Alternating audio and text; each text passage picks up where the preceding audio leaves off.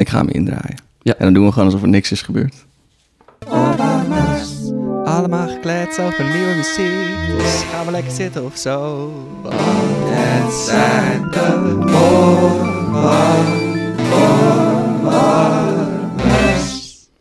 Aflevering 23. We zijn er. We zijn Ja. er. We gaan, eh, we gaan richting ons jubileum. Eh, fijn, dat, fijn dat jullie er weer zijn. Fijn dat jullie luisteren. Ehm Remy zei het al even in de... In de ja, in echt het allereerste begin van deze aflevering. Ehm, we, zijn, we, we zijn bezig met wat specials. En dit is eigenlijk de eerste special en het is een docentenspecial. En we hebben onze docenten uitgenodigd. Eh, de mensen die, eh, die onze... eh, ja, hebben gekneed een beetje en hebben gevormd. Nou ja, ik zou eerder willen zeggen ondersteund. Ja. Ja, ook, ja, god, ja. Nee, dat, dat vind ik een mooier uitgangspunt. Oh ja. Maar goed, ehm, deze aflevering, aflevering 23, is met mijn docent. En dat is, eh, dat is, dat is Ties Mellema. En ik, eh, ik ehm, eh, ging bij hem studeren in 2010 als 17-jarig jochie. En toen, eh, ehm, het eerste wat ik eigenlijk van Ties zag was... ehm, was dat hij, dat hij op het podium stond en de Nederlandse Muziekprijs in ontvangst nam. Dat was echt het, allereerste wat ik, wat ik van je zag, zo'n beetje. Ik ben ook wel naar concerten van het Amstel Quartet geweest, waar je toen in speelde. Ehm, ik zag je op tv bij Vrije Geluiden. eh, daar In een prachtige outfit. in een prachtige outfit. Ja, ja dat, ik bedoel, dat heeft mij in mijn leven ook geopend om te bedenken... oh ja, ik kan eigenlijk alles aandoen wat ik wil op een podium... als het, eh, als het maar bij je past. Ja. Ehm, en ja, eigenlijk in, in, die, in die studietijd eh, zo, ja, zo goed, goed ondersteund in mijn pad en zo vrijgelaten. En dat eh, vind ik ook het mooiste om te zien bij jou, Ties, bij alles, bij alles wat, je, wat je doet.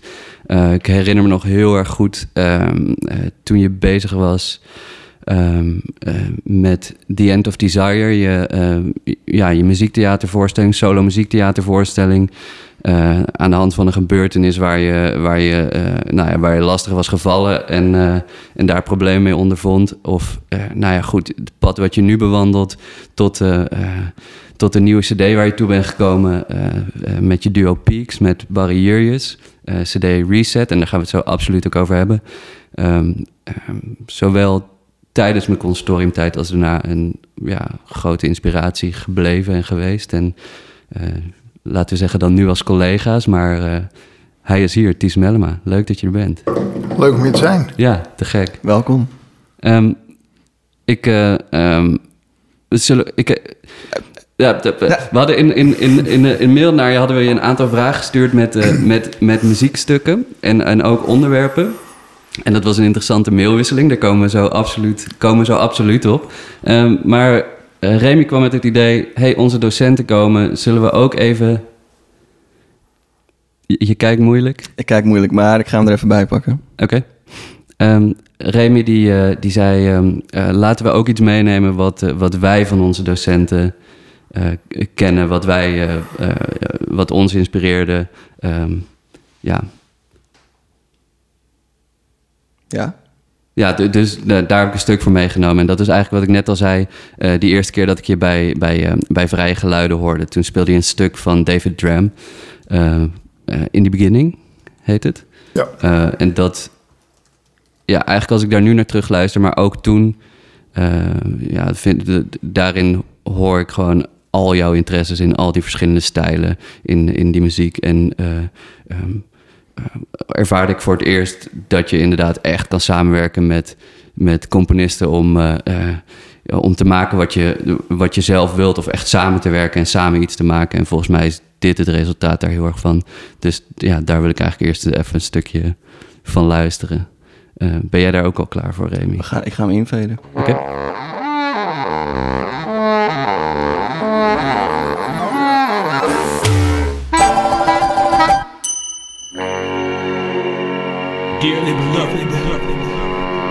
We are gathered here today to get through this thing called life. Shut up already! Damn!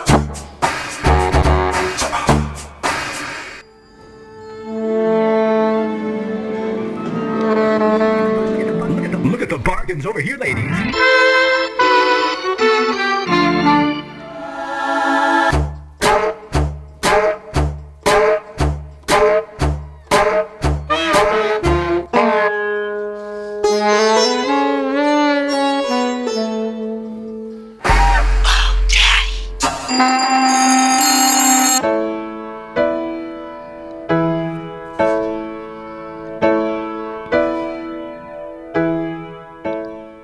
Ja, Mooi stukje. Heel. Als je dit luistert, Ties, hoe, hoe, hoe luister je dan naar? Of, of, eh, want dit is, dit is tien jaar geleden. Hoe luister je ernaar in vergelijking met waar je nu mee bezig bent misschien? Of? Nou, ik zou je vertellen, ik, ik speel over een paar weken in Italië en ik, eh, ik was een stuk niet vergeten, maar ik denk nu opeens van dat ga ik daar spelen. Ja, moet je Dit wordt doen. de opening van het concert. oh cool. Leuk. Ja. Ja, het is wel grappig, want ik, ik ben de afgelopen jaren ben ik eh, zo met iets anders bezig gegaan. Dat ik eigenlijk alles daarvoor nou niet echt verge- nou, praktisch wel vergeten ben. Dat ik er niet aan denk van, oh ja, dat kan ik ook nog doen. Mhm. Heel gechargeerd gezegd hoor. En nu, ehm, nu ik dit hoor, denk ik van, nou, dat hoort er eigenlijk wel bij. En het hoort ook bij mijn ontwikkeling. En het hoort ook. eh, die, die, die hele plaat was eigenlijk een poging om weer terug te gaan waarom ik naar het conservatorium ben gegaan. Ik doe dit even zonder koptelefoon. Ja, dat mag. last van de latency. Ehm, maar dit is eigenlijk waarom ik terug ben gegaan naar het. eh, wa- waarom ik naar het conservatorium ben gegaan. Wat waren mijn interesses toen? Dat, wa- dat was Prince, dat was King Curtis, dat was eh, ook John Williams, dat was Bach, dat was Handel, dat was Joe Cocker. En ik dacht, oké, hoe kan ik dat nou in, in wat ik nu kan en het netwerk waar ik nu zit en de muziek die ik nu maak, hoe kan ik dat integreren? En toen ben ik met, eh, na een aantal omwegen met David gaan praten. Ik dacht, ik wil eigenlijk een soort van pop-cd maken. En zei, nou, je, je kan wel pop maar je moet eigenlijk veel... Je moet echt één ding doen. En dat werd dan uiteindelijk eh, een van mijn grote voorbeelden. Dat werd eh, een cd rondom Prince. Mhm. En dit, ja, dit is een fantastisch eerste nummer natuurlijk. Want het zijn allemaal... wat David hier uithaalde... waren de beginnetjes, de intro's van de nummers van Prince. Dat, daar vond hij dat, dat Prince echt iets heel speciaals altijd doet. Dat is eigenlijk een soort apart muzikaal gegeven. En die heeft hij achter elkaar gezet. Ja, heel cool. Ja, en, en als ik dan, als ik dan ehm, terugdenk aan de tijd dat ik bij je studeerde, maar eigenlijk ook aan alles wat ik van je heb gezien, dan is dat zo'n, eh, ja, eigenlijk zo'n mengelmoes, maar met zo'n, zo, maar wel met artistieke duidelijke keuzes. En dat vind ik, vind ik altijd heel grappig aan jou. Zo, zo heb je inderdaad die CD Prinspiration, waar we net een stukje van hebben gehoord. Ehm, en aan de andere, en nou, zelfs in datzelfde vrije geluidenprogramma waar je dit stuk van David Ram speelde, speelde je een Alle Mannen van Bach van Fluitpartita. Ja, wat, ja, wat, wat ik toen heel inspirerend vond, dacht ik, oh ja, oké, je kan dus inderdaad alle soorten muziek maken als je, daar, als je daar een gevoel bij hebt. Nou, dat is uiteindelijk niet helemaal mijn keuze geworden, maar ehm, dat vond ik bij jou altijd heel inspirerend, dat je dat zo snel kon, kon switchen altijd. Dat je al die stijlen beheerste en, en daar zo mee bezig was. En ehm, eh, ik heb het nog niet genoemd, maar je, maar je bent natuurlijk, je bent natuurlijk ziek geweest en bent vanuit daar een heel proces ingegaan, een heel ander artistiek proces. Of je bent gaan nadenken bij, bij wat, je nou, wat je nou wilt. En, en ben je in dit artistieke proces terechtgekomen waar je nu je CD Reset eh, hebt gelanceerd, recent. Hoe is, hoe, is dat, hoe is dat artistieke proces gegaan? Hoe ben je. eh, ja, je, zei het al een beetje, eh, eigenlijk zoals voor mijn consortiumtijd. Daar ben ik weer naar teruggegaan eh, vanuit de liefde voor alle soorten muziek die, die er is. Ja. Maar hoe, hoe kom je tot het resultaat van deze CD daaruit? nou, dat, eh, conceptueel gezien is dit eigenlijk een soort van, wat mij betreft, vervolmaking van, van die tijd. Van, eh, dit, ik ga eigenlijk nog verder. ik, ik bedacht, ik, ik zat in de trein net, hier, onderweg hier naartoe. En ik dacht van, ehm, eh, de, de klassieke muziek heeft altijd vraag van hoe kan je het meer persoonlijk maken? Hoe kan je het, eh, hoe kan je het publiek er meer bij betrekken? En dat is vaak het verhaal. Maar dan staan mensen op het podium en dan gaan ze ineens... eh er gaat een hele hippe jonge vogel, bij wijze spreken... even heel gechargeerd gezegd, gaat dan eh, een stuk van Schubert spelen. Of een, een heel hip strijkkwartet staat ineens een stuk van Haydn te spelen. Fantastische muziek natuurlijk, maar het is ook, ook een beetje gek eigenlijk. En eh, toen dacht ik van, nou, eigenlijk, eigenlijk is wat ik toen, wat ik toen niet wilde, was zelf muziek maken. En, maar dat, dat moet eigenlijk, denk ik. Tenminste, voor mij nu. Voor mij moet dat. En eh, misschien had ik dat al eerder kunnen doen, dat weet ik niet. Maar, maar je ehm, bedoelt al- als schrijver van je eigen muziek? Als echt, ja, nou ja, schrijven, ja, maker, Maker, maker, ja. van mijn eigen ja. muziek. Eh, ja, dat, dat- en doordat ik ziek ben geworden, heb ik even pas op de plaats gemaakt. Twee keer, twee keer een half jaar stilgelegen, inclusief corona. Dus uh, nou ja, ruim, uh, ruim, wat is dan, drieënhalf jaar stilgelegen eigenlijk.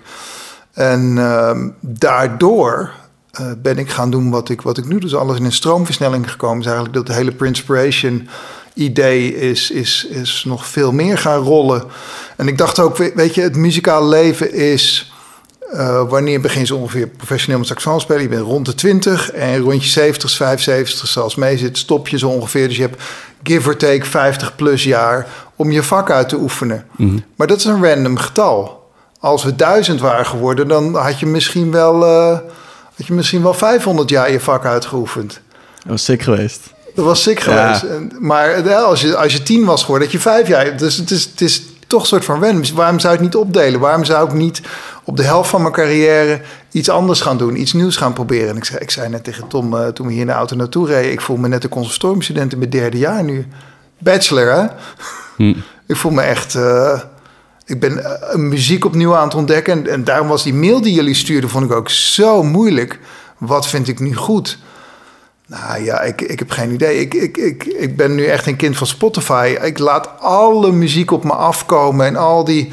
Ik heb ook YouTube Music en Apple Music allemaal geprobeerd... maar Spotify heeft toch de beste uh, algoritmes om nieuwe muziek voor te, voor te stellen. Mm -hmm. En zo kom, kwam ik bijvoorbeeld met dat Empty Set en, en, en, en Meredith en, en uh, uh, Lettuce... en allemaal bands waar ik nog nooit van had gehoord... En ja, ik wil niet zeggen dat ik dat nu de beste muziek van nu vind, maar dat, dat, dat vormt me allemaal nu een beetje. Ik ben nu echt uh, ja, een nieuwe zoektocht uh, begonnen. En ik ben altijd al wel, ik heb altijd een open vizier gehad, denk ik.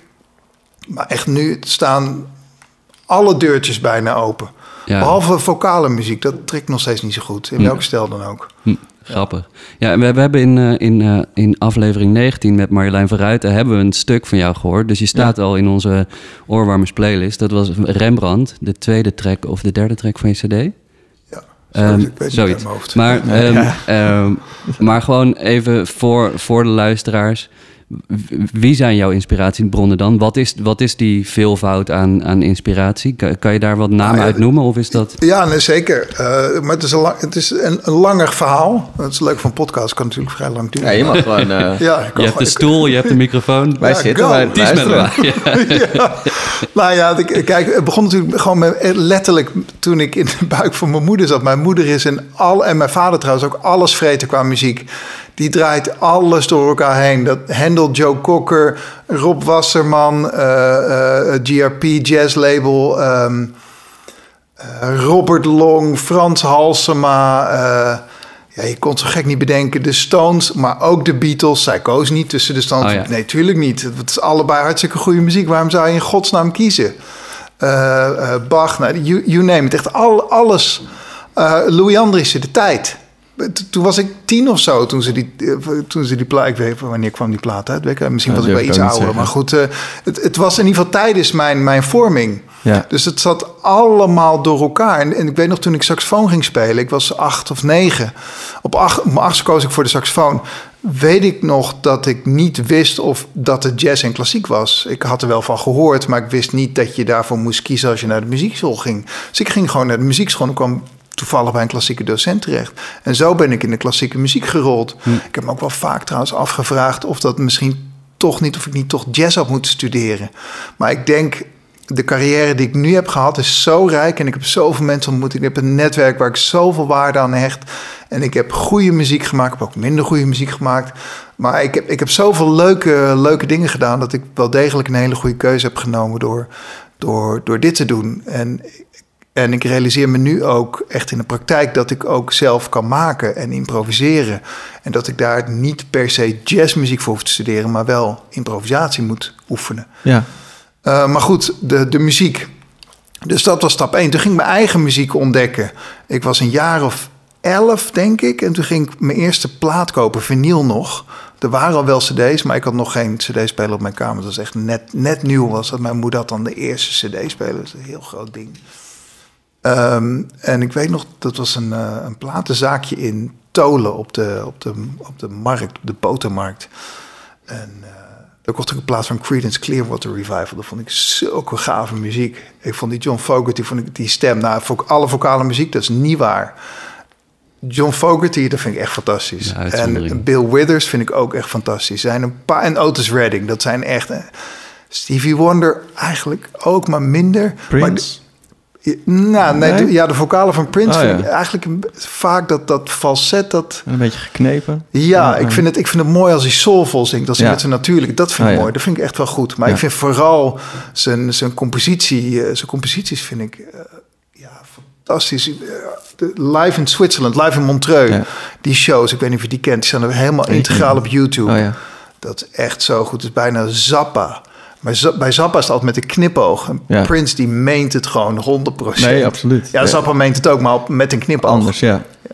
Maar goed, over mijn, eh, over mijn muziek. Creedence. En, en toen ging ik nog meer muziek ontdekken. En toen kwam ik, eh, ging ik naar het gymnasium in Berg op Zoom.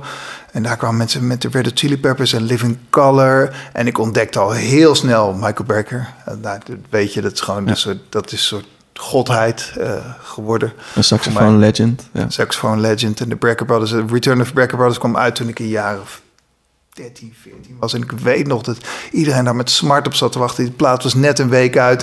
Ik was bij een feestje van een vriend van me. En die, eh, die, die draaide dat. En iedereen zong dat na een week al mee. Dat was zo geweldig. Dat, was, eh, dat, dat is eigenlijk mijn popmuziek. De, Mhm. de Brecker Brothers. Ehm, Living Color ook wel, maar dat is dan toch een soort van eh, puberaal. Dat is de muziek waarmee je bent opgegroeid. Dat is de muziek uit de midden jaren negentig. Dat is hè, de, de- het sociale aspect, de culturele aspect. Ehm, en ondertussen speelde ik ook saxofoon. En speelde ik saxofoonkwartet. Ik speelde saxofoonorkest. Het was de Candy Dulfer tijd. Hè? Dus de muziekschool van Berg op Zoom had niet tien leerlingen, niet vijftig, maar honderd saxofoonstudenten. Ja. volgens mij nog niet eens tien nu. Dat is echt ongelooflijk. 100. En de, er was geld. Eh, De, de muziekschool had een, een sopranino. De muziekschool, niet de conservatorium. De Nee, ja. muziekschool, een bassaxofoon, een baritonsaxofoon, meerdere. Man. Ja, echt ongelooflijke Nee, tijd. dat, eh, En, en de, de, de saxofoondocent die maakte arrangementen en die componeerde zelf. En die, hij had een big band. Het, was, het bruiste echt. Het was, eh, dat heeft me ook echt wel gevormd. Eh Kamermuziekconcerten in Roosendaal ging ik met mijn ouders ook naartoe. Ehm uh, Markiezenhof deed, in Berg op Zoom deed af en toe ook concerten. Dus ik heb gewoon vooral heel erg veel verschillende dingen gehoord. En ik heb nooit echt willen kiezen. Totdat ik op het conservatorium kwam. Toen kwam ik op het conservatorium en toen dacht ik, oké, nu ben ik klassiek muzikus. En nu, en dat ga ik ook weer heel gechargeerd zeggen... maar ik, als ik nu terugkijk, wilde ik eigenlijk heiliger dan de paus eh, zijn. Dus ik wilde echt heel erg klassiek zijn. Uh, dus niet alleen maar uh, Brahms en Haydn en, en Bach en uh, Debussy Ravel... maar ook Xenakis en, en ik keek toch... als ik heel eerlijk ben, in die tijd toch ook wel een beetje neer op Michael Nyman... en ja. dat soort dat soort componisten. Maar dat, dat is een beetje mijn muzikale vorming geweest. Mm. Tot en met het consortium. Met het consortium kwam ik natuurlijk in aanraking met ja, allerlei soorten muziek. Met, met Varese kende ik eigenlijk niet. Ik had er wel van gehoord. Maar uh, Stockhausen. Uh, ja, ja toen, ging, toen ging weer een andere wereld open. Om ja, daar allemaal naar te luisteren. Maar ik sloot ook heel veel werelden af. Ik bleef mm. natuurlijk Michael Becker wel luisteren. Gewoon thuis. Maar ik deed daar eigenlijk heel weinig mee. Mm. Wat, wat wel leuk is. En dat is weer een brug met die plaat die ik nu heb gemaakt. Ik weet nog dat ik, dat ik 19 was. Dat is 1995 volgens mij. Zat ik net, net op kamers in Amsterdam. Had ik een sequence-programma op mijn PC. Het heette Cakewalk. Ja. Ja. En dat vond ik zo leuk. En dat zat ik gewoon in mijn vrije tijd mee. En ik heb dat nooit in verband gebracht met het hele conservatorium. En ook ik, niet met je instrument toen dat je dacht... Want toen nou, had je ook al je saxofoon. Dus ik dan... speelde op twee manieren saxofoon. Ik speelde saxofoon uh, serieus en ik speelde saxofoon met mijn vrienden. Oh, ja. En saxofoon met mijn vrienden waren allemaal, allemaal amateur jazzmuziek. En uh, afgelopen zaterdag hebben we nog een hele leuke improvisatiesessie met z'n allen gedaan. En dan spelen nummers die wel 30 jaar spelen. Dat is hartstikke ja. leuk. Um, uh, wat wil ik nou zeggen? Dat weet ik niet. Iets over Cakewalk? Ja, Cakewalk. We hadden het over Cakewalk. Cakewalk, en dan, exact, uh... ja. Nou, dan ging ik, ik, ik weet nog dat ik, ik had wel bijvak jazz. Dat wilde ik dan wel oh, absoluut ja. doen. En ik wilde ook, uh, ik denk achteraf gezien, wilde ik dat vooral om, nou, het soort veelzijdigheid. Ik wilde ook wel, ik wilde toch ook wel leren improviseren. Misschien multi-inzetbaar zijn. Dus ik, ik chargeer een beetje. Ik was niet zo heel erg ik was wel serieus, maar ik wilde toch ook wel echt jazz doen. Ik wilde wel mezelf breed opvoeden. En ook heel snel heb ik vier saxofoons aangeschaft en ook leren spelen. En echt heel bewust een kwartier lang tenor, een kwartier lang sopraan, dat ik ook heel snel kon wisselen. In een concert, ja, die switch, ja, ja. Pluk ik nu de vruchten van. Mhm. Uh, maar goed, dat cakewalk, dat, daar voerde ik dan af en toe een standard in. Uh, want je had toen nog geen... Ja, je had al band in een box, maar dat was dan, vond ik, vrij duur. En nu, nu kost het... Op je iPhone heb je nu een soort van iReal Pro. Dan kan je ja. voor 5 euro... heb je alle standards in de hele wereld en die speelt hij dan en af. zo'n beetje alles van Ebersold staat gewoon op YouTube. Dus Ja. je kan gewoon... Uh, Ja. Dat is echt uh, Ongelooflijk. te gek, ja. Ja. Jammer Maar, voor eh, Ebersold, maar... Ja, maar dat, dat was toen niet. Nee. Uh, dus ik, ik voerde dat zelf in, in een cakewalk. En dan ging dan mee samenspelen. Dat vond ik super leuk. Ik heb weet toch dat ik een hele funky versie van Salt Peanuts... en daar kon ik zelf ook eindeloos naar luisteren. En, en later, ik realiseer me pas de afgelopen... De cd die we nu hebben gemaakt, luister ik nog steeds met plezier. Kan ik gewoon... Ik zet hem niet, nu niet meer voor de lollen, want ik heb hem nu echt te vaak gehoord. Mhm. Maar ik, ik luister met plezier. Maar al mijn andere cd's, alhoewel ik daar volledig achter sta...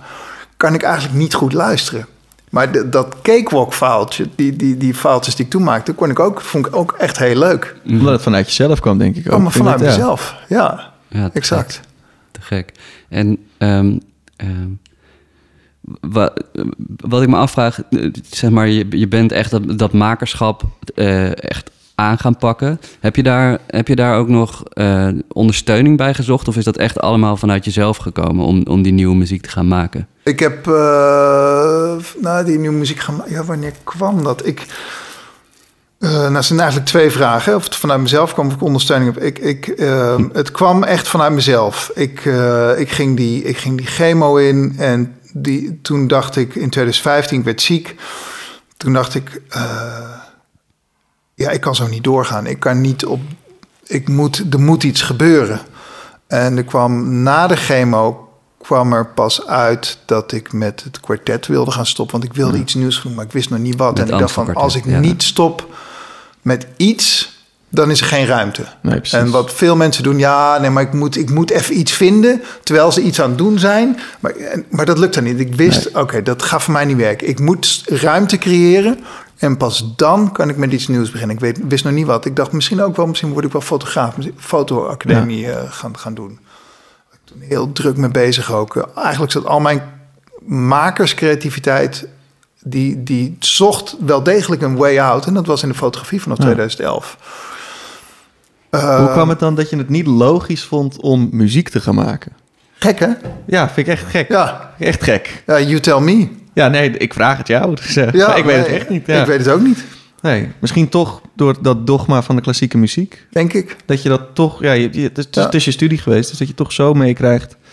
Ik, ik weet nog wel dat ik een keer, eh, het zal ook ergens eh, ja, rondom de jaren tien geweest zijn, dat, ik- dat ik ehm, op mijn zoldertje zat en muziek ben gaan maken. En toen weet ik nog, dat heb ik een middag mezelf opgesloten en nog een keer een middag, volgens mij een hele, hele week telkens een dagdeel.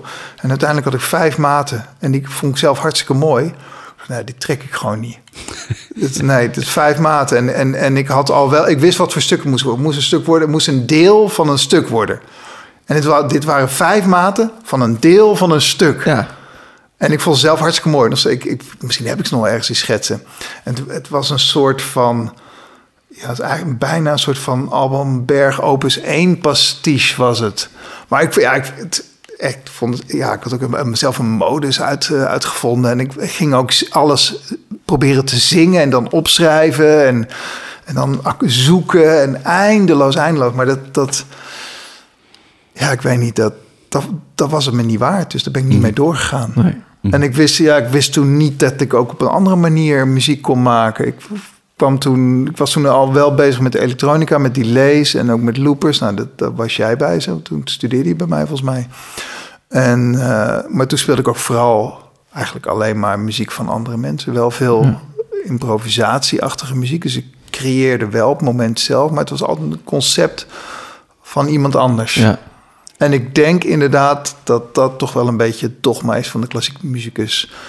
Waarom zou je iets componeren als Bach bestaat? Ja, en, dat, en dat is het inderdaad, ja. Dat is, Daar, dat daar is ben ik helemaal vanaf. Dat is, Ja. eh, ja. goed, want ik denk dat iedereen daarvan af mag. Ik denk dat we dat eh, met z'n allen los mogen laten. Zullen we naar een stukje muziek? Zullen we naar een stukje muziek luisteren? Want Ja. eh, je hebt een, een warmer meegenomen. Dat is altijd een van onze onmogelijke vragen. Wat is eh, een favoriet stuk van je?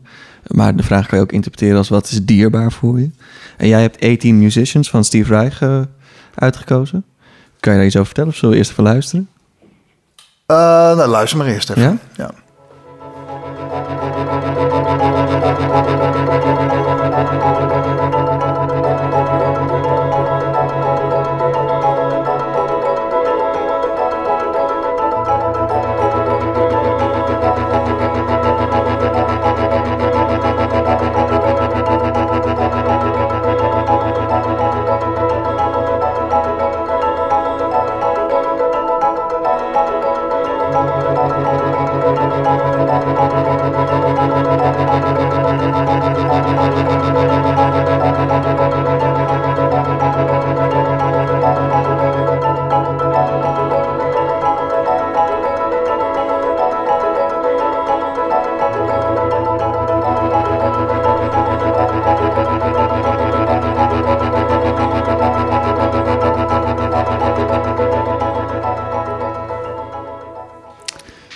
Blijft een magisch stukje. Ja, absoluut. Ja. Ja. Nou, toen, jullie die, eh, toen ik die mail kreeg, en ik- ja, ik, ik, ik voelde me een beetje zeiken. Van, jeetje. Ja, dat, Hoe dat was je ook best een beetje, Ties. Dat was je ook best een beetje. Maar ik, ik eh, dacht, jeetje, wat hedendaagse muziek. Wat, wat is dan überhaupt hedendaagse muziek? En, en wat, wat is dan het beste stuk? Is dat het stuk wat ik het beste vind? Of is dat het stuk waar ik af en toe nog wel eens naar luister? Dat zijn ook weer twee verschillende dingen volgens mij. En toen heb ik toch voor het laatste gekozen. Dit stuk herpak ik toch elke, elke zoveel keer. Pak, herpak ik het weer, want er zit zoveel in. Al- Alleen al dit kleine stuk wat je nu laat horen. Ja. Er zit een, een... Je kan het in kwart horen, je kan het in achtste horen. Je kan de lange lijn horen. Eh, het is maar net hoe je, hoe je je voelt of hoe het op dat moment overkomt. Eh, het is ritmisch interessant. Er gebeurt de hele tijd wat. Eh, De misconceptie over minimal music is dat er niet heel veel gebeurt, maar er gebeurt echt de hele tijd wat. Is echt hele avontuurlijke, verhalende muziek, vind ik. En instrumentatie van zo'n geweldige klank met die, met die, met die klarinet en die marim. Ja, Ja. het- geweldig, geweldig. Ja, absoluut. Ja, en of het dan eh, hele goede muziek is, ja, volgens mij wel. Dat denk ik wel, ja. En eh, ik, ik zou ook. eh, ja, eh, Barry die speelt wel eens rebons op, op, op, op concerten. Eh, en dat is ook hele goede muziek, maar dat zou ik echt nooit opzetten. Gewoon Nee. thuis. Dat, dan bedoel je het, het stuk van Xenakis. Xenakis, ja, ja. precies. Ja. Of, of het saxofoonkwartet van Xenakis. Ja, dat is echt. Ja, dat ken ik ook van binnen en van, eh, van binnen en van buiten. Dat is zo'n fantastisch stuk, maar dat zou ik nooit opzetten. En dit, dit zou ik wel opzetten. Ja, en dan hedendaagse muziek. Is het dan muziek die vandaag gemaakt is? Eh, De, bijvoorbeeld eh, recente werk van Square Pusher. Is dat dan hedendaagse muziek? Nee, oké, daar waren jullie heel duidelijk in. Nee, eigenlijk- niet. Nou, Oké, dan dat is, dat is heel duidelijk. En Meredith, is dat dan wel hedendaagse muziek? Want dat, ik, maar ja, toen dacht ik van ja, nee, dit stuk heb ik net twee dagen voor, voordat ik jullie die mail stuurde, heb ik dat stuk ontdekt. Of volgens mij in het. En dat was een stuk wat, wat eh, het, Spotify-algoritme aan me voorstelde. Welk stuk was het? Nautilus? Het, eh, Eh, ja, ik, ik heb het toevallig. Even kijken hoor. Ik- want ik dacht, die titel ga ik vergeten. En dan ben ik zo vergeten. Soulbones. Zo, oh ja, die is ook heel vet. Ja. Ja, en het, om daar een beetje, ehm, eh, want daar kunnen we het denk ik wel even over hebben, want dat is altijd heel interessant over wanneer is iets iets. Ehm, wij hebben dat een beetje zitten afbakenen, dat nieuwe muziek voor ons dingen zijn die na 1950 zijn geschreven. En dan wel eh, dingen die gecomponeerd zijn vanuit ja, die klassieke traditie. En dan, ik heb net gezegd, hè, die klassieke, de, dat klassieke dogma, dat mag, eh, dat mag weg. Maar die klassieke traditie bedoel ik ook eigenlijk mee dat alles wat daarvoor is gebeurd, je daar wel kennis van hebt genomen. Dus dat je hebt gekeken, ook al vind je het niet zo, weet je wel, maar dat je hebt gekeken, oké, wat deed Bach? Hoe speelde die met muziek? Ehm, en dat je dan pas gaat vertalen naar hoe ga ik dat nu hier doen? Ehm, dus dat de keuzes die je dan op dat moment maakt, onderlegd zijn vanuit een langere traditie. Eh, en dat is een beetje hoe wij hem zien. Dus dat je kan zeggen dat iets gecomponeerd is, omdat het eh, vanuit die manier doordacht is. En dat betekent natuurlijk niet dat alle andere muziek niet gecomponeerd zou zijn. Ja. Eh, ik denk ook niet dat dat is wat wij, dat is ook niet ons statement, zou ik willen zeggen. Maar kijk Tom ook aan. Maar Tom Nee. zegt ook nee. Ehm, ons ding is meer dat het vanuit een bepaalde hoek en vanuit een bepaalde, ja, toch een bepaalde workflow eh, komt. ja. Ook al is die dan per componist totaal verschillend, omdat ik kan, ik weet niet precies hoe Meredith we- werkt, maar ja, zij zal op een hele andere manier werken dan, eh, dan bijvoorbeeld een Steve Reich. Eh, terwijl ze allebei toch uit hetzelfde vaatje tappen en diezelfde kennis hebben en vanuit die kennis iets gaan maken. Ik denk dat dat een beetje is hoe we hem, hoe we hem inzetten. Ja, ja. Want ik, ik, intuïtief zeg ik, en Meredith past er wel in. Ja, En Square Pusher dan minder. ja. Ja. En dat komt ook doordat je, als je dan naar meerdere dingen gaat luisteren van zo iemand. Ja, Anne Meredith schrijft ook gewoon pu- puur akoestische werken, waarin ze partijen ook uitschrijft. Ja. En dat is ook bijna dan een, wordt ook zo'n ding waar, waarin je iets kan herkennen. Oké, jij schrijft je partijen uit, ja. dus je bent er op een andere manier mee bezig. Ehm, en het producerend componeren, wat ik denk dat eh Square Pusher doet, weet ik eigenlijk ook niet zeker. Maar ik denk dat hij met zijn gear en met zijn, eh, met zijn computer dingen maakt. En dat is toch een hij, ander proces. Hij, hij schrijft wel partijen uit eh, ook. Hij heeft, voor dat, hij heeft ook een robotorkest gedaan.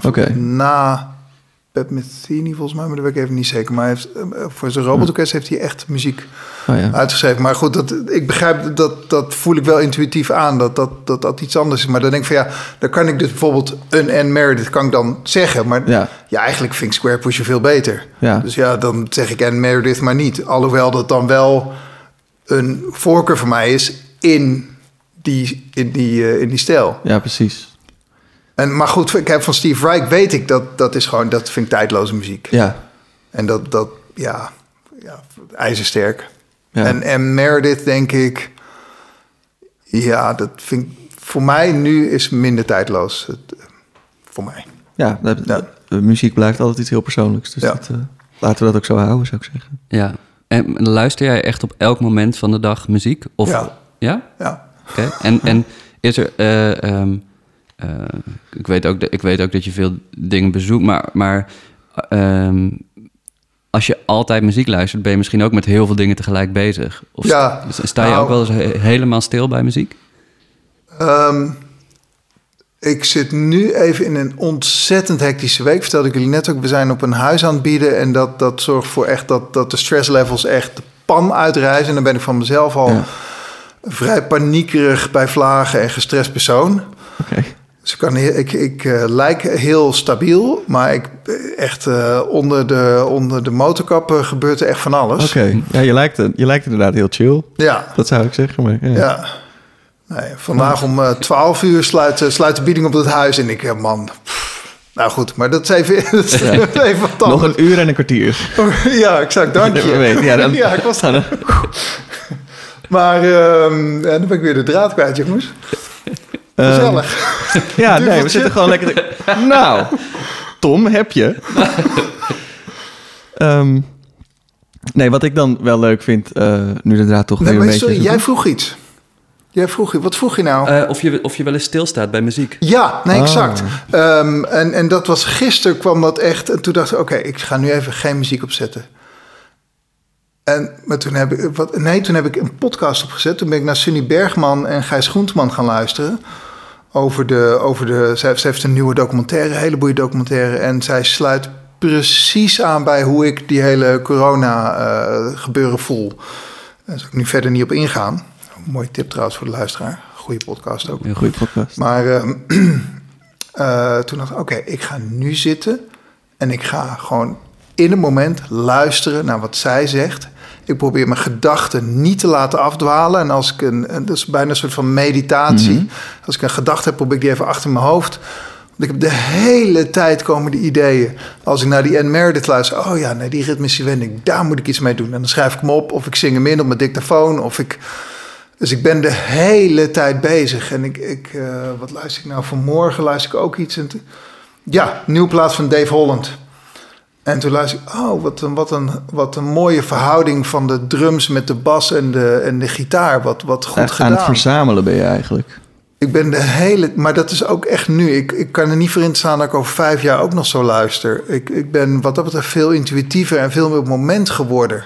Hm. Eh, dus eh, ik, ik heb echt een, een, een square pusher tijd gehad, maar nu luister ik hem eigenlijk nauwelijks. Mhm.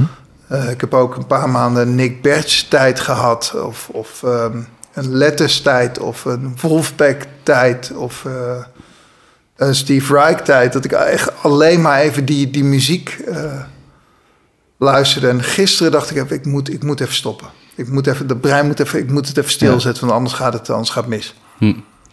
En als, jou, als jouw kinderen dan over twintig jaar ook in een podcast zitten te vertellen over, eh, over hun traditie in, in muziek en wat ze vanuit huis mee hebben gekregen, is het eigenlijk, zeg maar, ja, gedeeltelijk ook wel hetzelfde als jouw verhaal. Er komt van alles langs. Ja, absoluut. Eh, maar tre- trekken je kinderen en je vrouw het nog wel? Nou, de, eh, mijn vrouw trekt de muziek die ik mooi vind absoluut niet. Hm. Nee, nee, Michael Brecker, dat, dat gaat gewoon niet. Nee. Nee, dat kan ik niet opzetten. En dan zeker volumes waar ik het op zet. Dus ik wil het of wel horen of niet. Dus dat of hard of uit. Maar Ja, er zit niks tussen. Ja. Geen tussenweg. Nee. Nee, dat, eh, dat gaat niet. Nee. Nee, dat- Hey, Ja, wat, om eh, richting geen tussenweg te gaan, want jij hebt ook een eh, wurm mee- meegenomen. ja, En om daar echt te komen, moeten we altijd even naar de tune luisteren. Dus we gaan even naar de wurm-tune luisteren. Mocht je het willen horen, zet je koptelefoon op. ja. Zou ik zeggen, dan wacht ik er gewoon even netjes op. Luisteraars, hij heeft hem op. Reactie op een vorstuk uit de ket is zo catchy. Met zo van de grond je oren. Zo catchy, lekker deuntje. Hij gaat zitten in je oor. Het is de oorworm. Zo, dat was de oorworm-tune. En jij hebt een oorworm meegenomen. Disruptief, heftig. Ik- kon er ook mijn vinger niet op leggen. Maar heb jij er iets over te vertellen?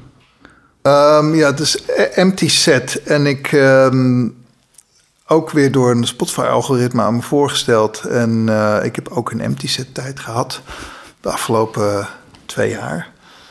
En ik vind het zulke goede muziek. Want het is, eh, het is zo minimaal. En, en er gebeurt toch zoveel. En het is zo goed doordacht. En het is, alle bullshit is eraf. En toch is het tegelijkertijd conceptueel.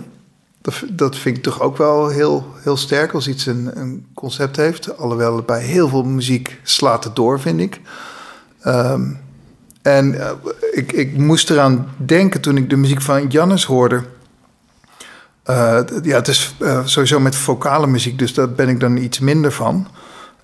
Zeker als het van dat hele klassieke, klassieke uitspraak. Ja, dat, dat, ik, ik trek dat gewoon niet zo heel erg goed. Ik, ik, een muziek moet herkenbaar zijn. En ik, ik hoor mensen gewoon niet op die manier praten. Maar dat, is- dat is iets van mij. En als ik Otis Redding hoor schreeuwen en fluisteren...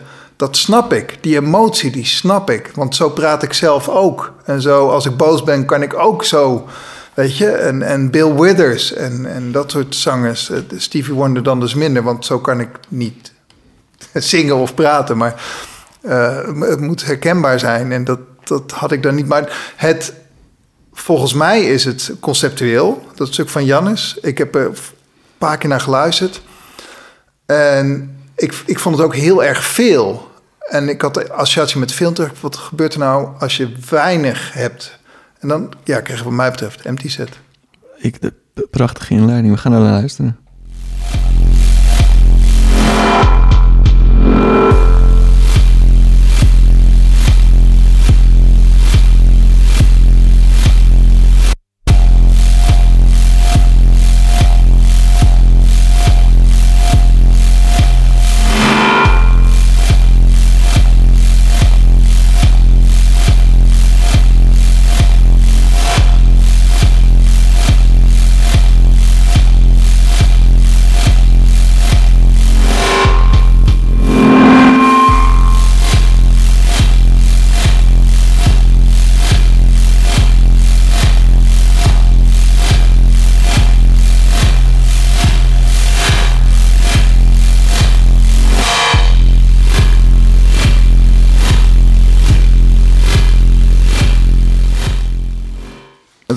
Ritme, hè? Ik, ik ben heel erg van, van, van ritme. Ritme is eigenlijk... Ik had ooit een gesprek met, met mijn docent alweer, Arno, Arno Bornkamp. En, en die eh, vertelde op een gegeven moment dat hij naar een expositie in ehm, Zuid-Frankrijk was geweest van een schilder... die zijn hele leven één ding heeft geschilderd. Ik geloof landschap, ik weet niet meer precies. En, dat, En, en in dat genre maakte hij een hele duidelijke en een vrij extreme ontwikkeling ook door. Maar het waren wel altijd landschappen. En toen dacht zei Arno, ja, toen dacht ik, zei hij, hebben muzici ook zoiets? Uh, toen zei hij, volgens mij is mijn landschap is melodie. Alles wat ik doe, of nou Xenake, Stockhausen, Berio, Bach, Ravel Debussy of zelfs minimal music is, draait om melodie. Draait om het, het verhalende van de, van de melodie. En um, toen ging ik daarover nadenken. En een paar duvels later kwam ik tot de conclusie dat, dat mijn, uh, mijn landschap waarschijnlijk ritme is. En uh, ook ritme wat je kan meetikken op de een of andere manier. Mag best wel een 716 zijn. Maar op de een of andere manier moet het iets, iets duidelijk catchies hebben. Niet Ehm, ja, je hebt ook van die muziek, uh, ja, drone muziek, dan zie je mensen wel een beetje bewegen, maar dan, dan hoor je niet echt ritme. Dan zit ze meer in een soort van flow. Maar je moet echt, ik wil eigenlijk altijd uh, een soort van groove ervaren, een soort van hartslag in het stuk wil ik eigenlijk altijd horen. En dat is ja, bij deze muziek wel heel... Uh, ja, absoluut. Hele duidelijke puls. Hele duidelijke ja. puls, maar toch ook, ook wel creatief, vind ik. En, en er gebeurt ook veel. Ik vind ook dat muziek bepaalde uh, hoeken nodig heeft. Het, het moet, het moet op, op tijd veranderen. Er moet op tijd iets gebeuren. Hm. Anders vind ik het ook niet leuk. Hm. Ja. Bij een heleboel ja, neoclassiek vandaag de dag. Ja, ik, ik kan er niet zo goed naar luisteren, want er gebeurt helemaal niks. Er zit er geen hoek in. En dat snap ik ook wel, want mensen hebben behoefte aan een soort van muzak op de achtergrond. Die zijn aan het werken, die willen iets, ja. iets lekkers horen. En als, als elevator music is natuurlijk. Uh, ja, klinkt heel bagatelliserend, is misschien ook wel. maar als, uh, is het, heeft, het, heeft het waarde. En ik, ik zat ooit bij een taxichauffeur in de auto. En uh, jongen zag uit als hiphopper. En die zag mij met uh, saxofoons in de auto komen. Zei, wat speel je? Ik verteld over wat ik doe. Ik vroeg, hou je ook van muziek? Ik dacht, nou, hiphop of zo. Of weet ik veel, popmuziek. Zei, ik hou van klassieke muziek. Oh, oké. Waar hou je daarvan? Ja, ik hou van Einaudi. Oh, en dan ben ik, hem, ik probeerde heel open deze jongen te benaderen. Oh. ja, en uh, toen, uh, toen vertelde hij, nou wat ik fijn vind aan Einaudi is dat ik mijn, uh, het leg je geen gevoel op, het leg je geen sfeer op. Ik kan mijn eigen gevoel kan ik erop leggen. Dus hoe ik me op dat moment voel, kan ik projecteren op die muziek. Ik dacht, oh, zo, heb ik, zo ben ik nou echt helemaal nooit met muziek bezig. Mm -hmm. En uh, dat, ik snap dat eigenlijk wel. en sindsdien snap ik ook eigenlijk de waarde van Einaudi wel. Ik heb er zelf, hoef ik niet te horen, en, maar ik, ik snap het wel voor andere mensen. Dat, dat snap ik wel. Hm, ja. En uh, van, van Einaudi kunnen we naar Berio. Zoals dat we van Tom naar Ties kunnen. Want leerlingstudent uh, en, en, en meester, als je dat zo mag zeggen, docent. Hoe... Hoe hebben jullie dat ervaren om met elkaar die relatie aan te gaan? Want Tom heeft best lang bij jou gestudeerd, uh, Ties. Zes jaar?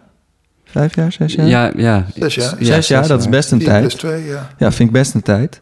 Hoe hebben jullie dat ervaren? En vooral, hoe was het in het begin en was het anders aan het eind? Tuurlijk, tuurlijk is maar het hoe anders was het aan het begin? In het begin in het begin was ik, was ik gewoon bleu. Dan kwam ik erin en zoals jij heel veel muziek hebt gehoord, heb ik, had ik bijna niks gehoord toen ik, toen ik bij jou aankwam. Dus uh, ik weet wel dat je, ja, in het begin ben je gewoon bezig met techniek, dus dan super gedisciplineerd, zoveel etudes. En op een gegeven moment, als het, als het, nou, je gaf me toen ook wel veel dingen om te luisteren. Je zei luister eens naar dit, luister eens naar dit. En dat was niet alleen maar klassieke muziek of muziek met saxofoon. En dat, dat vond ik heel fijn, want dat heeft toen. Uh, dat heeft toen zeker ook deur geopend, maar het gaf me vooral eigenlijk het gevoel van, ah ja, oké, uh, alles mag gehoord worden. Terwijl, uh, terwijl soms op het consortium leek het zo gekaderd en dat, dat ik dacht van, jemig, al die mensen die alleen maar naar klassieke muziek luisteren. En dat begreep ik niet. En daardoor was ik ja, zo gelukkig dat ik, dat ik, dat ik bij TI studeerde. Ja, totdat ik, totdat ik het gevoel, totdat ik zeg maar het gevoel een beetje te pakken kreeg en dacht, oh, dit is ook wel de muziek die ik graag wil doen. Toen liep dat soms wel uit de hand. En ik, ik weet nog dat, dat ik wel eens een gesprek had met jou over stukken die ik wilde spelen of uh, samenwerking die ik wilde aangaan. Toen zei, hij, toen zei hij, ja, maar is dat wel voor op een consortium? Ik weet al dat we dit gesprek hebben, dit soort gesprekken hebben gehad. Ehm, totdat het duidelijk werd dat ik dat echt op een podium wilde doen. En toen zei hij, ja, oké, maar dan moet je het ook gewoon helemaal gaan, gaan doen en gaan uitbreiden. Hoe was dat voor jou, Ties, om, eh, om, om een jongere Tom zo binnen te zien komen en met hem aan de slag te gaan? Nou ja, met. met, eh, met ik, vertel, ik vertelde je net voordat we aan de podcast begonnen dat ik nog weet dat jij heel voorzichtig aan mij vroeg hoe dat nou ging. eh, en, en of, of, of een plek was en eh, of, of je kon auditeren. Ik weet niet meer precies. Maar Ja. ik weet nog dat je naar me toe kwam en echt met hele basale vragen. En het begin weet ik eigenlijk niet meer zo goed, want dat is voor iedereen eigenlijk hetzelfde. Dat is gewoon toonladders, etudes, Ja. rammen, doorgaan. Ja, vanuit jouw oogpunt natuurlijk. Vanuit mijn Ja, oogpunt is dat voor, voor ja, en ik, ik, ehm, ik heb in die tijd natuurlijk ook heel veel ontwikkeling meegemaakt. Maar de- mijn, de ontwikkeling die ik als docent meemaak op dat moment is zoveel minder dan een student meemaakt. Ja.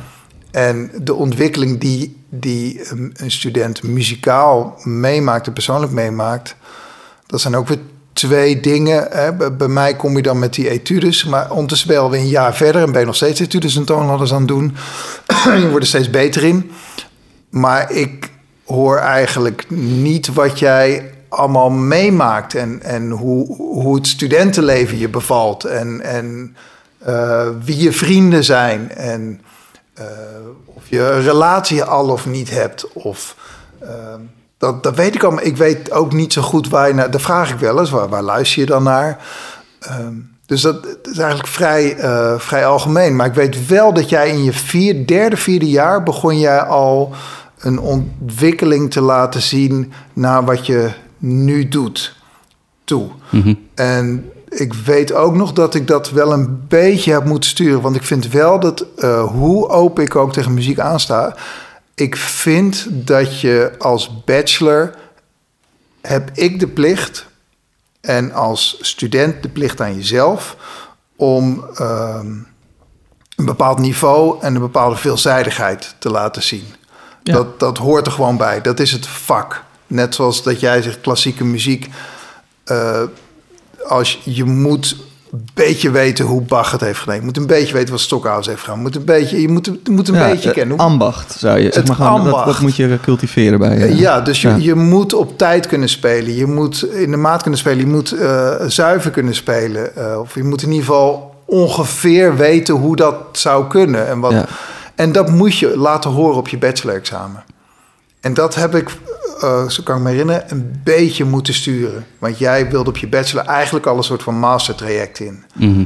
Kan ik me herinneren. Ja, ja ik, weet nog, ik weet nog dat ik eh, eh, dat toen. ehm, ik, ik weet nog, ik, ik, opeens schieten al die anekdotes gewoon, in, al die verhalen schieten in mijn hoofd. Maar eh, ik, ik weet nog inderdaad, toen ik mijn, toen ik mijn bachelor eindexamen ging plannen, toen eh, ging ik al met Anthony samenwerken. Eh, nieuw stuk van Anthony in première, Hout van Louis Andriessen, want dat had ik al eerder uitgevoerd, waarvan jij dacht, want omdat ik toen anderhalve maand had om dat te studeren, toen zei jij, ja, dit gaat je niet lukken, tenzij je in plaats van vier uur per dag gewoon acht, negen, tien uur per dag. En gewoon nachtelijk studeren. En gewoon 100% vergaan. En dat heb ik ook gedaan. En dat is ook wel iets wat ik, wat ik eh, va- van jou heb. Gewoon die, die oerdiscipline om als je iets wilt, gewoon keihard gewoon door te, door te beuken ergens in. En eh, een stuk van Julia Wolf. En toen zei hij... Ja, maar Tom, dit is geweldige muziek. En het is een heel mooi concept. Maar misschien moet je er ook nog even iets traditioneels bij doen. En toen heb ik, eh, toen heb ik Debussy gekozen. Wat natuurlijk totaal ook... Ja, eh, ja het, is wel, wel een traditioneel saxofoonstuk. Maar het is nou ook weer niet een stuk waarin je echt laat zien... wat, wat, je, wat, je, wat je kan op een saxofoon. En ja, god ja... eh, ik vond dat ook een stomme vraag, maar ik begrijp het, ik begrijp het totaal. Ik begrijp het totaal. En dat, dat, ja, dat, zijn, dat zijn van die grappige momenten. Ik weet ook nog dat ik met bepaalde muzici ging samenspelen op mijn bachelor-eindexamen. Ging ik, eh, ging repetities plannen. Het, en het waren echt, ah, gewoon echt professionele, echt hele goede muzici waar ik, naar, waar ik tegenop keek. Was met Rob of niet? Of Dat was met Rob Dirksen, Ja. met Ramon Loormans, Aart Aart Stroopman, Stroopman. En toen ging ik plannen. En toen kwam er maar liefst in, in, weet ik veel, s- 60 opties... kwam er anderhalve optie uit dat ik kon repeteren. En toen weet ik nog dat jij Ramon hebt opgebeld van... ja, eh, moet, je, moet je dit wel... of gebeld, weet ik niet, gezien. Moet je, moet je dit wel doen? Want dit is moeilijke muziek. En het is mijn student die gaat afstuderen. En ja... eh, misschien maak je het ook een beetje kapot. Maar dat, dat vond ik geweldig. Dat vond ik echt grappig.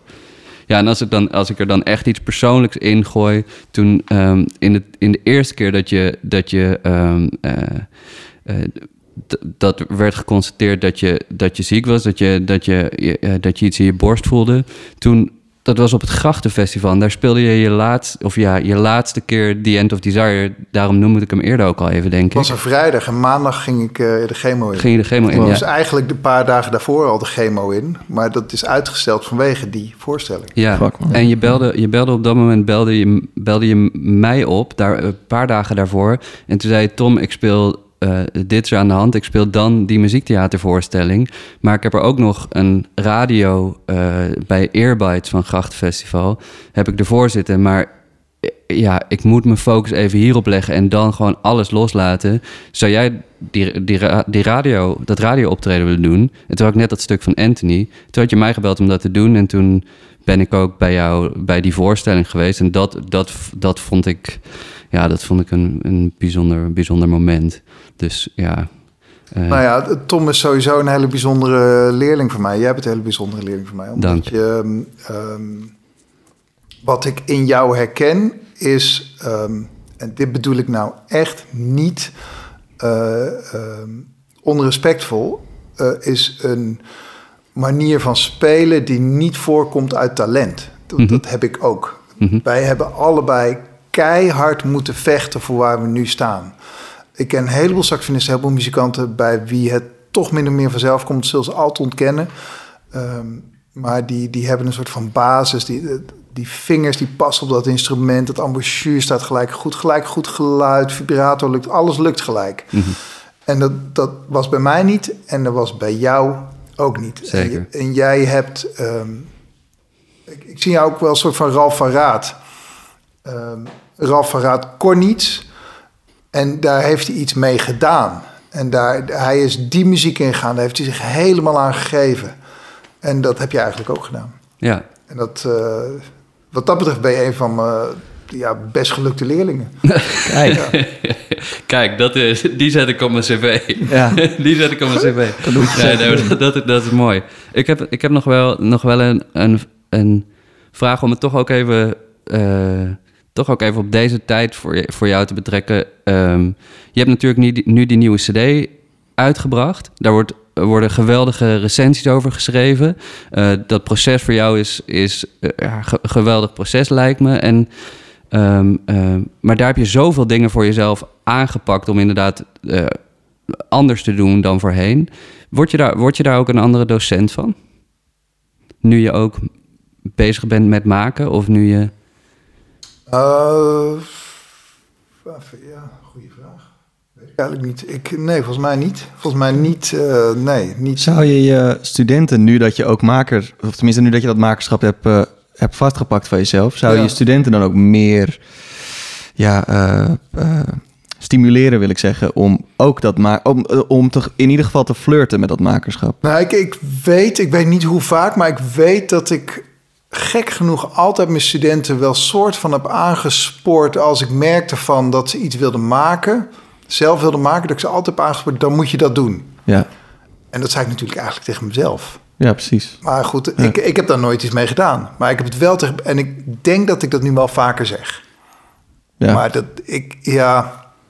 Ik zou ook wel een ontwikkeling meemaken. Maar dat, ja, die, die, die zie jij meer dan, dan ik. Denk ik. Ja. In, in de tijd dat jij bij mij studeerde, bedoel ik. mhm.